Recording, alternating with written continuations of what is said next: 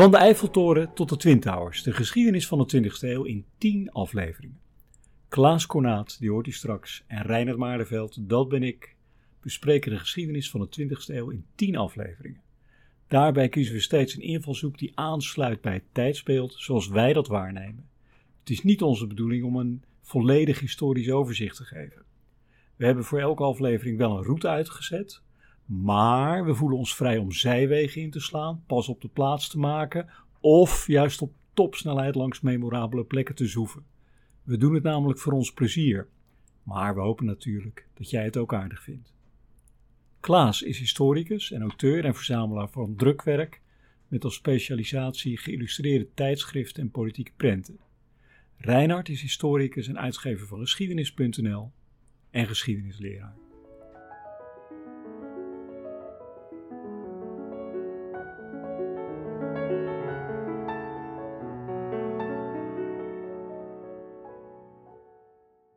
Lieve luisteraars, welkom bij aflevering 7. En die hebben we gedoopt van de avonden tot onder professoren. Dat zijn literaire werken, jazeker. De avond is gepubliceerd in 1947 hè, van, uh, ja, hij heette toen nog Simon Reven, maar uh, inmiddels is, uh, is, het Gerard Reven. En onder professoren is een boek van W.F. Hermans, dat verscheen in 1975. Um, het thema is eigenlijk een beetje de jaren 50 met een uitloop naar de jaren 60 en 70. En omdat we eens wat vrolijkers willen melden dan allemaal oorlog en ellende, dachten we we gaan eens kijken naar de sociaal-economische en culturele kant van die periode, dus na de Tweede Wereldoorlog. Omdat daar enerzijds een uh, clichébeeld over bestaat wat we willen slopen, nou ja, willen nuanceren. En anderzijds uh, ja, willen we daar ook, uh, ook eens een positieve, een positieve uitzending van maken. Want al die podcasts met al het ellende, daar zitten jullie natuurlijk niet op te wachten.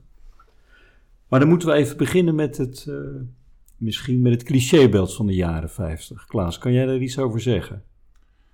Uh, ja, zeg maar terugkijkend vanuit de jaren 70, 80 is eigenlijk het beeld dat uh, 45, 60, als we die periode nou eigenlijk nemen, dat dat eigenlijk een donkere, altijd sombere periode was, waarin geen plezier te beleven viel, dat er uh, eigenlijk uh, terug werd geworpen de bevolking in de vooroorlogse crisisjaren, uh, waarin geen vrijheid bestond, de bedompte huiskamer van de ja. Nederlandse.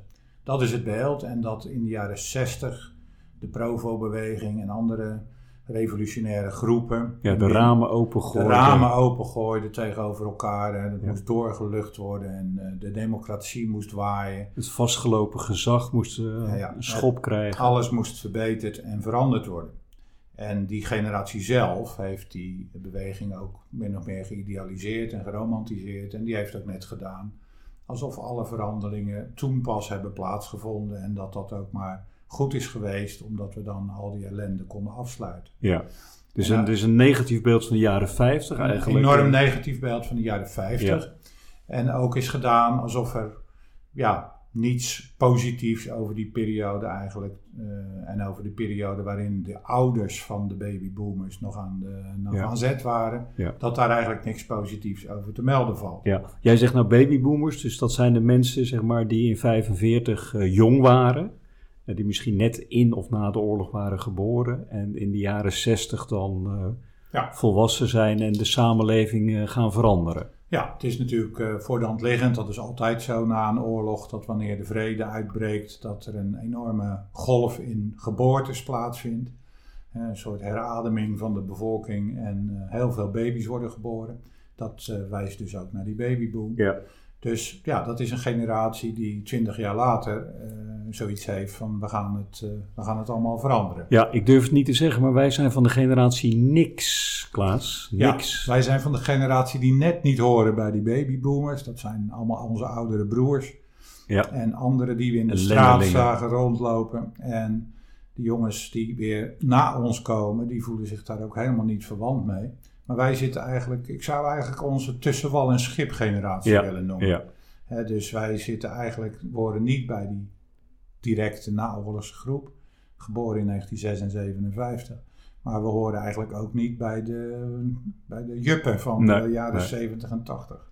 Nee, en het idee van de generatie niks is dat die ook allemaal een beetje afstudeerden in uh, zeg maar begin jaren 80 of van school kwamen. Ja. Begin jaren 80. Crisis. Economische crisis weer. Ja, wat is crisis? Je, misschien vergeleken met de jaren 30 natuurlijk uh, helemaal niks. Maar in ieder geval, het was moeilijk om werk te vinden. Ja. En zeker als je geschiedenis gestudeerd had. Ja, het was een foute keuze. ja, het was geen goede maatschappelijke keuze. En dan uh, ja, werd was je toch wel een beetje bestemd uh, tot uh, werklozen. En vandaar ook generatie niks. Maar goed, dat is, dat is het negatieve beeld van de jaren 50.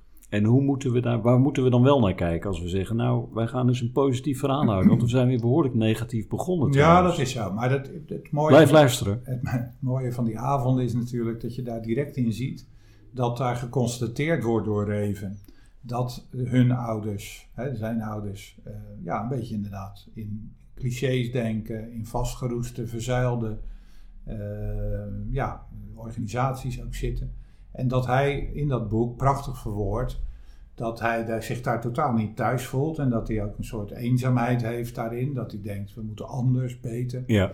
Maar dat hij ook voortdurend, al is het ongemerkt voor hemzelf misschien, maar dat nieuwe ook al aan het vormgeven ja, is. Ja. He, dat hij dus met andere vrienden optrekt, dat hij daar, daar verruiming in ziet, dat hij uh, ja. misschien zijn seksuele geaardheid al, al uh, in zichtbaar maakt. Kortom, dat hij al aangeeft dat die generatie al gelijk in 647 andere richtingen ja. zoekt. Ja, want ze gaan naar feestjes, gaan naar de film. En dat is allemaal heel ingrijpend. Ze doen allemaal dingen die hun ouders eigenlijk nee, nooit deden. Ze zijn lekker aan de drank. Ja. ja. En inderdaad is het al een aangekondigde bevrijding, zou je kunnen zeggen. Um, en in dat opzicht is het ook niet een heel somber boek. Hè? Het is ook wel een heel erg grappig boek waarin die, eh, als bijvoorbeeld zijn vader dan eh, aan de knoppen zit te draaien, dat hij dan eh, gek wordt van die, eh, die oude muziek en hij wil naar jazz luisteren en daar wordt zijn vader dan weer gek van. Want jazz is natuurlijk bij uitstek de nieuwe muziek op dat, eh, dat moment. Ja, ja, er zit natuurlijk in het boek echt. het is een heel geestig boek, maar het is ook een prachtig boek omdat hij ook niet trapt naar de vorige generatie. Hè. Hij ergert zich wel aan zijn vader en hij is ondaan over zijn politieke stellingname. En er zitten natuurlijk allerlei dingen in die eh, het wel aangeven dat hij heel anders zal zijn. Maar hij, eh, eh, je zou ook kunnen zeggen dat een boek is vol mededogen. Hij accepteert ook dat die vorige generatie niet, een soort niet anders kon. Ja, door de oorlog en andere omstandigheden misschien gedwongen. En een van de dingen die ook in voorkomt is dat zijn moeder denkt bijvoorbeeld een fles wijn te hebben gekocht. ja. En dat blijkt dan helemaal geen wijn te zijn. Nee. Nou, en, dat- en dat- wijn is natuurlijk een uniek, eh, duur product, Duur eh, product. voor hen. Dus eh, daar schrijft hij ook niet van belachelijk of wat gek. Nee, het is dat hij laat zien dat zijn moeder dan ook serieus meent iets bijzonders voor hem te hebben aangeschaft. Ja, En dat het natuurlijk geen wijn is, oké, dat is dan jammer. Ja. Hey, die, eh, die feestjes en die films, dat duidt eigenlijk op de doorbraak van een hele nieuwe wereld van vermaak in de jaren 50. Wat, wat gebeurt daar eh, op dat terrein? Nou, je ziet, eh, je ziet natuurlijk dat al in de jaren 50 de Nederlandse jeugd. er is bij een 70er of 80er geen romantische twinkel in de ogen te, te krijgen. Dan wanneer Amsterdamse het hebben over het concert van Lionel Hampton. Ja. Ergens in de 50er jaren. Waar ze dan bij zijn geweest. Dat is natuurlijk eh, al een aanzet dat je zegt van ja, ze waren natuurlijk al met totaal andere dingen bezig dan hun ouders. En in de jaren 50, hoewel misschien ongemerkt en nog niet ver genoeg voorgaand voor de mensen die toen leefden. Maar er was er, was er echt op alle fronten een totale Ja. revolutie aan de gang in Ja. de samenleving. Ik zit ook even aan de Disney-films eh, te kijken. Nou, Disney en Amerikaanse invloeden, hè, de jazz geeft dat natuurlijk ook al aan, dat al het goede kwam uit de Verenigde Staten in die tijd. De, Amerikanen hadden in het oogpunt van de Nederlanders natuurlijk de oorlog gewonnen. En alles wat daar vandaan kwam was modern en Ja. goed en vooruitstrevend en vernieuwend. En Disney en alles wat daarbij hoort, hoorde daar natuurlijk eh, bij. Hè? Ja. ja, want daar hadden we het net ook even over, die bezinning over wat nou goed en slecht is. Hè, wat wij hadden, jij vertelde over de opkomst van McDonald's in het vorige gesprek, hebben we natuurlijk niet opgenomen.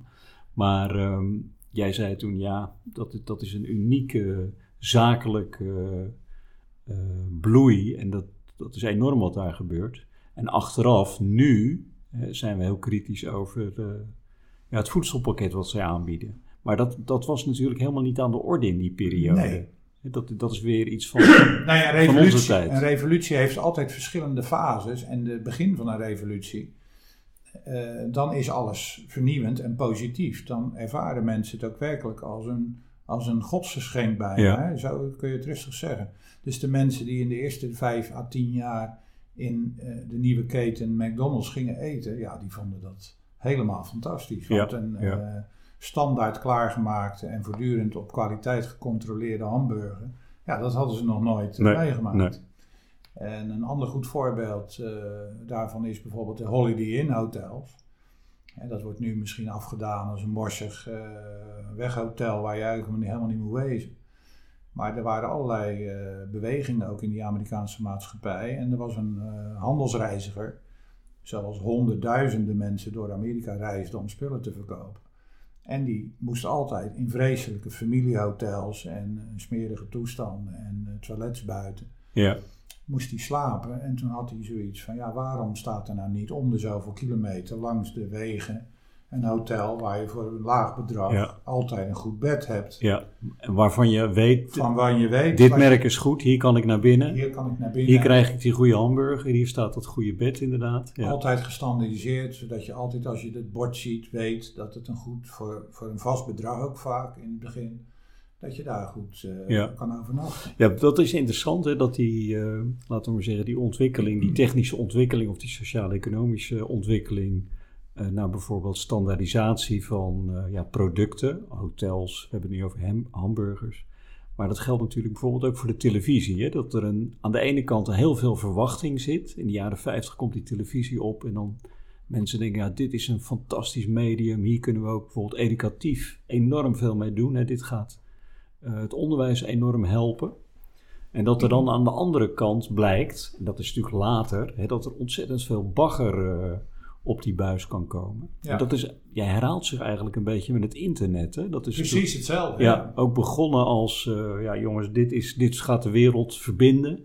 Overal uh, kunnen we nu naar elkaars filmpjes kijken. Is ook zo natuurlijk. Ja, met culturele meerwaarde. Maar ja, helaas sturen we ook dickpics en andere merkwaardige illustraties en filmpjes daarover. Ja, en dat wordt toch een dreigt een beetje mainstream te worden. Ja, nou, maar dat is in de jaren 50 natuurlijk met die televisie ook gebeurd. In het begin werd elk programma, zeker in Nederland, was een gebeurtenis, was een, uh, een nationaal iets waar mensen het over hadden.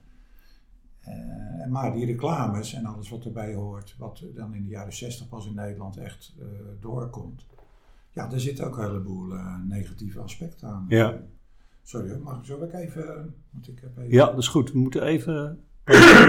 kan je toch zo herstarten of niet? Ja, ik laat hem gewoon doorlopen. Ja? ja? Neem maar een slokje. Nee, even een slokje.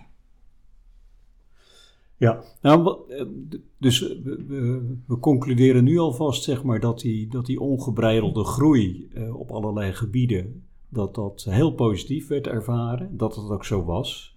En dat we pas in de jaren, ja, eigenlijk misschien 70, 80, 90, misschien zelfs nu pas, uh, ja, daar allerlei uh, vraagtekens bij gaan zetten. En ik, ik zit ook even aan het reizen te denken. Dat is ook zo'n uh, revolutie in de jaren 50, dat mensen met de auto erop uitgaan. En voor het eerst uh, een ritje maken naar Parijs bijvoorbeeld. Hoe ver dat niet was, Parijs. Ja, nou dat is een goed voorbeeld. De als je de Nederlanders op vakantie, dat is echt een revolutie op alle fronten. In de jaren 50 was misschien de Veluwe of uh, ja, je ziet dan ook de opkomst van bepaalde, wat wij nu zouden zeggen, pretparken, hoewel dat toen nog niet zo heette. Maar dingen als de Efteling, dat komt ook allemaal uit de ja, jaren Drievliet kan ik me herinneren. Ja, je had, je had Veluws eiland, waar ik in mijn jeugd nog wel uh, op allerlei toestellen heb gestaan. Kortom, dat was dan toch zo een beetje de vakantie. En dan zie je in de jaren 60 dat het buitenland gaat zich openen. Ja. En allerlei andere dingen worden voor een groot publiek eigenlijk toegankelijk. Terwijl als je nu zegt van ja, ik ben in, uh, ben in Frankrijk geweest, dan ben je eigenlijk een beetje een loser. Ja, Maar ja. nu moet je natuurlijk naar de Malediven of naar eh, India of naar Australië wil ja je, zeker, zeker. wil je ja. meetellen. Dus ja, dat heeft binnen enkele decennia ook een enorme vlucht genomen. En de basis daarvan is natuurlijk eh, de technische vooruitgang. Dat een, vlieg, een vliegtocht was in de jaren 40, 50 nog een ja, totale uitzondering. En ook nog wel een behoorlijk risico, want er vielen toch aardig wat KLM-toestellen ook nog wel uit de lucht. Terwijl in de jaren die we nu beleven, vlieg je voor een habbekrats overal naartoe natuurlijk. En die, daar zitten natuurlijk uh, schaduwkanten aan. En daar, die discussie begint nu op gang te komen. Ja. Maar uh, in de jaren 50, 60 bestond die discussie helemaal nee, niet. Nee. nee, het was ook een tijd, denk ik, waarin mensen ook heel erg konden genieten van uh, ja, het feit dat er weer geld en vrijheid en vrije tijd was. Ik kan me herinneren, mijn moeder die heeft de gelukkigste tijd van het leven gehad, uh, meteen na de bevrijding, op de feesten die toen werden georganiseerd. ja, uh, iedereen ging helemaal los natuurlijk. Hè? Ja, absoluut. Met het gedicht van Kampert, alles soap en naaide. Heel Europa was een groot matras. En de hemel het plafond van een derderangs hotel. En ja, die lijn wordt toch wel een beetje doorgetrokken. En dat is een hele andere sfeer dan die benauwde, ja, uh, gezagsgetrouwe sfeer die uh, Zeker. in de jaren 60, 70 uh, Want het is ook natuurlijk nog wel zo dat de, de, de babyboomers dan wel vergeten dat de generatie die uh, zeg maar tussen 45 en 65 de, de zaak leidde, dat die uh, een enorme rommel op moesten ruimen. Hè. Dat verschilde wel per land, maar toch. Hè. De puinhopen van de Tweede Wereldoorlog ja, waren natuurlijk ja. niet gering. En daarnaast moesten ze de sprongen ook sociaal maken. Dus die vooruitgang technisch en in productie, die moest ook begeleid worden door een grotere uh, rechten van, van de arbeiders, zullen we zeggen. Hè? Dus de, de lonen moesten stijgen ja, en noem het allemaal maar op. En die sociale sprongen, die werden ook gemaakt. Dus het was niet gering wat er in die, die tijd tot stand werd gebracht. Dat, nee. uh, die jaren van de wederopbouw, die nu wel wat meer in de belangstelling komen ook. Ja, dat was niet natuurlijk een, een ingeslapen toestand. Nee, dat was een, een behoorlijk dynamisch geheel natuurlijk. Ja, ja. Een, een, fenomeen wat mij ook altijd boeit is het uh, roken. Ja. Dat, dat, roken is ook dan een uiting van welvaart en ontspanning en uh, ja, gezellig samen zijn.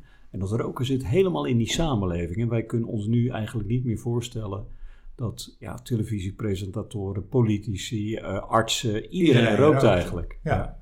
ja, en overal. Ja, dus ook in vliegtuigen, ook in vergaderzalen, ook in de Tweede Kamer. Iedereen rookte ja, overal. Ja. En dat was ook Amerikaans. Hè. De tabak was ook in het begin werd het met, uh, expliciet. Hè. Amerikaanse tabak was ook uh, goed. In mijn jeugd en in jouw jeugd dus ook. Uh, was Roxy en Lexington waren de twee ja. dominante merken. Dat waren Amerikaanse sigaretten. En Pall Mall en Virginia en zo. Ja. Ja, dat is, dat is onvoorstelbaar wat een, wat een, ja, een visueel geweld dat ook was. Hè. Er werd overal voortdurend door iedereen gerookt. En het was ook alsof het doodnormaal was. En, en, en, je hoorde er ook een beetje eigenlijk niet bij als je niet rookte. Ja, zeker. Terwijl dat nu eigenlijk min of meer toch is omgedraaid. Hè. Als je nu rookt ben je toch eigenlijk een beetje een... Uh, ja, zeker. Een beetje ja. een dommerd. Ja. ja, ik weet nog wel die... Uh die arts die campagne voerde, hoe heet die nou? Mijn, uh, Mijnsma. Mijnsma, ja, dokter Mijnsma. Dat was toen een soort roepende in de woestijn. Hè? Die man die zei dat je van roken kanker kreeg. Nou, dat zal ergens begin jaren zeventig geweest zijn, denk ik. Ja. Ja, ja, ja. Maar dat, ja, die kreeg dan... Uh, ja, ik, ik, dat kan ik me eigenlijk niet zo goed herinneren hoor. Dus misschien een mythe die ik nu vertel. Maar die zat met rokende mensen aan tafel. Ik weet niet of ze dan tijdens die uitzending rookten. Maar ik kan me nog wel heel goed herinneren dat ik dacht van, nou ja, dat zal toch zo'n vaart niet lopen, dokter Mijnsma. Niet overdrijven, zeg. En ik weet nog dat hij in een programma heel uh, boos riep tegen een, een, uh, een, opponent. Heeft u wel eens een vrouw gezoend die rookt? Dat is smerig. En dan moest iedereen keihard om lachen natuurlijk. Ja, ja. nou ja, dat is wel zo natuurlijk. maar het is, ja, het, is, het is meer de sociale functie die het ook had. Ja. mijn vader werkte bij een bank en die, die, overlegde de hele dag natuurlijk over krediet en al dat soort zaken. Ja, die, die stak de ene sigaar met de andere aan. Ja, het, ja, het hoorde er gewoon bij. Het hoorde er gewoon bij. Hey, uh, maken we even een sprongetje van de sigaret naar Willem Drees. Ook iemand die... Uh, zeg maar altijd met een eh, sigaret werd afgebeeld, tot op verkiezingsposters toe. Uh, want dat heeft natuurlijk ook te maken met de jaren 50, die enorme sprong vooruit. En ja, die revolutionaire verandering is natuurlijk uh, zeg maar de wetgeving op, voor de 65-plussers, het pensioen. Nou, Drees is natuurlijk de man die zei van de verworvenheden die we hebben moeten voor iedereen zijn. Hè? Er moet een soort solidariteitsgedachte in de samenleving zijn waarbinnen iedereen recht heeft op een plaatsje aan tafel, zullen we maar even die, uh, om die symboliek aan te houden. Dus als je uitgewerkt bent en je ontvangt geen loon meer, dan moet er een vangnet zijn voor de mensen, zeker die, niet hebben gespaard of die niet heel veel geld hebben, dat je altijd een bepaald basisinkomen moet kunnen hebben. En daar zat ook bij dat als je ziek werd of op een andere manier eh, uit de boot viel, dat er dan altijd dat vangnet zou zijn. En die sociale gedachte, die heeft hij toen vertaald in een aantal wetten, die waar we nog steeds, uh, hè, die, die toch een eh, hele sociale uh, basissamenleving ja, hebben overgehouden. En dat is een enorme verandering ten opzichte van de jaren 30 bijvoorbeeld. Want hij deed dat ook met name door de ervaringen uit de crisistijd. Toen heel veel mensen tot een soort armoedegrens terugvielen en uh, afhankelijk waren van liefdadigheid en allerlei andere zaken. Dus die uh, veranderingen en die wetgeving in de jaren 50, ja, die is essentieel geweest voor de Nederlandse samenleving. En die heeft meer veranderingen dan welk, bijna welke andere uh, wetgeving of politieke zaak ook teweeggebracht. Ja. ja, als je bedenkt dat als je in 1900 geboren bent, hè, dat je dan ja, de Eerste Wereldoorlog hebt meegemaakt, de crisis van de jaren 30, de Tweede Wereldoorlog. en dan krijg je toch uh, opeens uh, pensioen van de staat. Uh, terwijl je je ouders en je grootouders waarschijnlijk in armoede hebt zien rondscharrelen. ik denk dat heel veel mensen dat ook echt als een revolutie hebben ervaren. Ja, dat, dat, was het ook. Ja. Dat was het zeker. Mijn grootouders waren niet armlastig, zeg maar. Maar dat weet ik nog goed. Dat, dat was ook een gevleugelde term. Hè. Je ging van race trekken, ja, heette het dan zelfs. Dan, uh, als je 65 werd, dan uh, kreeg je automatisch je pensioen. Een laag, maar toch standaard bedrag. En dat was ook geïndexeerd. Dus als uh, de prijzen stegen, dan, kreeg je, dan kregen de oude vandaag, zoals de jargon toen heet, dan kregen er ook wat bij, zodat ze de basisdingen konden blijven betalen. Ja, het was natuurlijk een, een, een, een, samenleving waarvan later werd gezegd van ja, dat wordt allemaal te duur en dat kunnen we al een minimum betalen. Terwijl, en dat is ook wel een ding wat die eh, jongens heel goed in de gaten hadden, is dat als je natuurlijk uh, elke samenleving, uh, elke deelnemer aan die samenleving de, de mogelijkheid biedt om, om te consumeren, al is het op een basisbedrag. Ja, ja dan blijft ook alles rondzingen. Hè? Dan is het ook goed voor de samenleving en voor alle productie en voor alle winkels en voor de middenstand en noem het maar op. Dus het is niet weggegooid geld wat daar gebeurt. Het is, juist, het is geen cadeautje, zeg maar, waar je niks mee doet. Het is uh, geld wat je grotendeels zelf bij elkaar hebt gespaard, op de meest verstandige manier uh, eerlijk verdeeld. Dat is eigenlijk het systeem. Ja. Jij laat het eh, woord uh, consumptiemaatschappij vallen. Dat past natuurlijk ook helemaal bij de jaren 50, hè, die uh, introductie van nieuwe apparaten. En onze moeders die deden nog de kookwas met de wringer. Mijn moeder had ergens, zo rond 1960, heeft ze een centrifuge aangeschaft. Een wonderbaarlijk apparaat waar, waarbij je dan spulletjes kon drogen. Dat was wel heel bijzonder. Maar goed, dan was ze nog bezig om uren te koken en de was op te hangen. En uh, ja, een wasmachine, dat was toch wel iets ongehoords dat dat zomaar in je huiskamer kon verschijnen. Ja, dat is natuurlijk, uh, als je het hebt over revolutionaire veranderingen, dan is het het, het huishouden tussen 1950 en 1970. Ja. ja, dat zijn ook veranderingen waar je nu ook bijna niet meer kan voorstellen hoe groot. Ook de verwarming, hè, vergeet dat niet. Elke Nederlands gezin stookte nog kolen. Ja.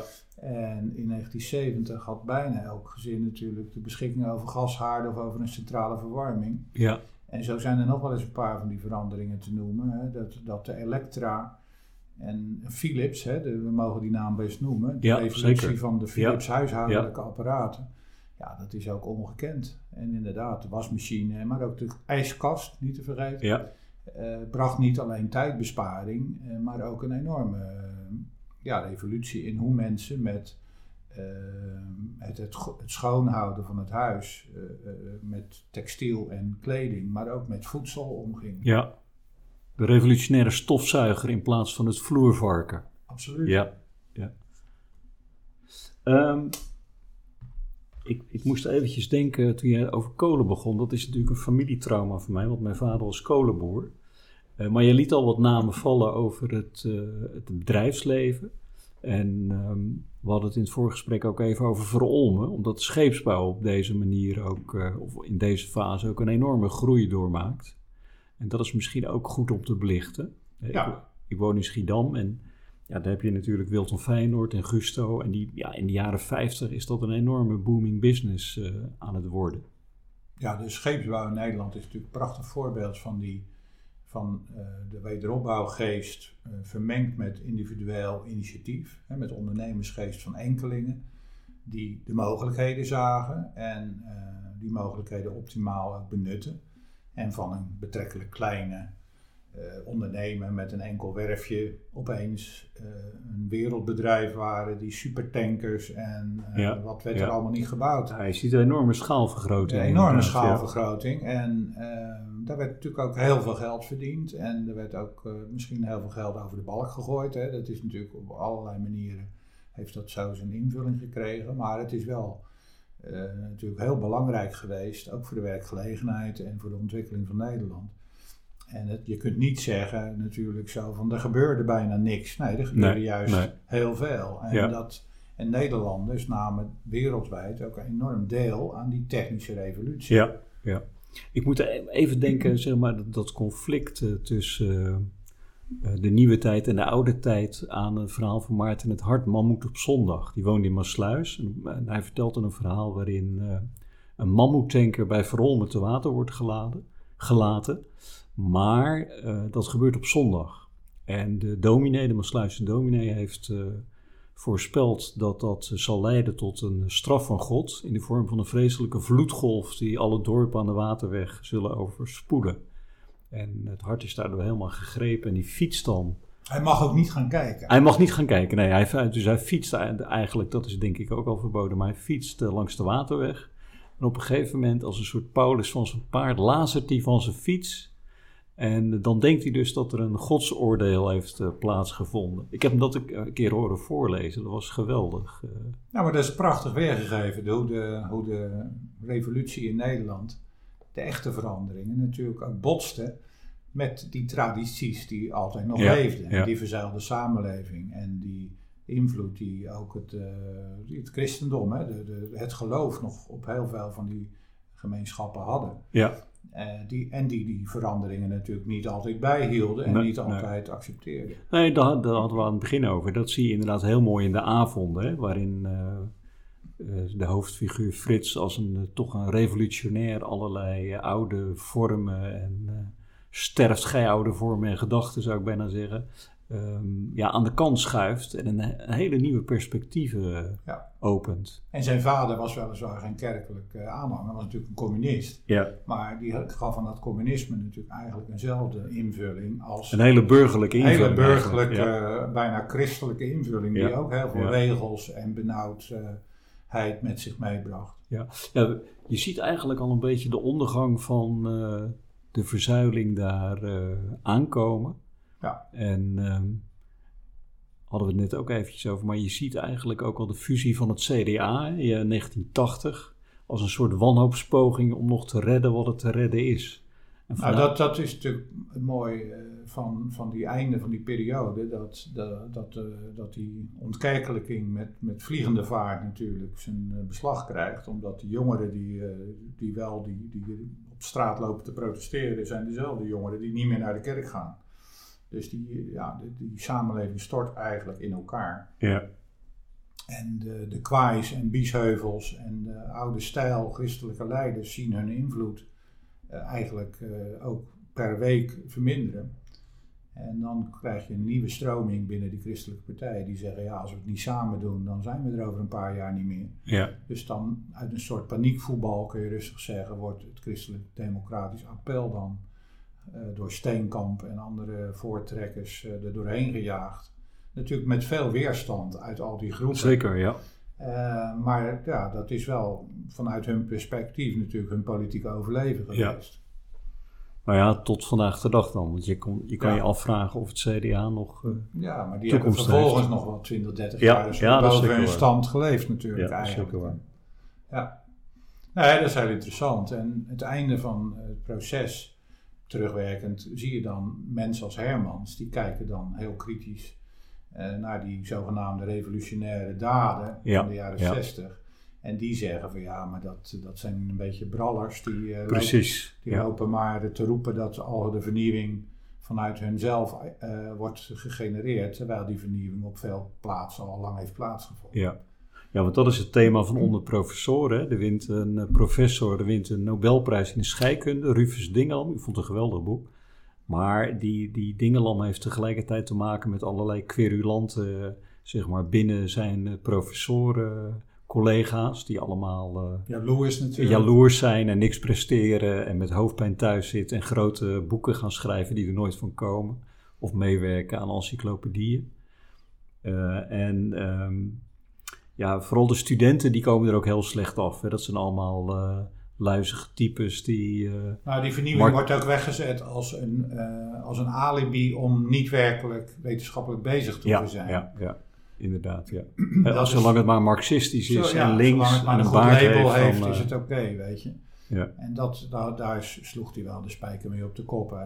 Je kon aan de reacties in Groningen, waar hij zat natuurlijk, kon je ook zien dat hij heel wat mensen heel erg pijn had gedaan Ja. met het boek. Omdat ze zo levend en natuurlijk naar de realiteit in, door hem waren neergezet. Hij was zelf, dat moet je weer als relativering van hem natuurlijk. Hij was zelf ook niet op alle fronten echt een geslaagde wetenschapper natuurlijk.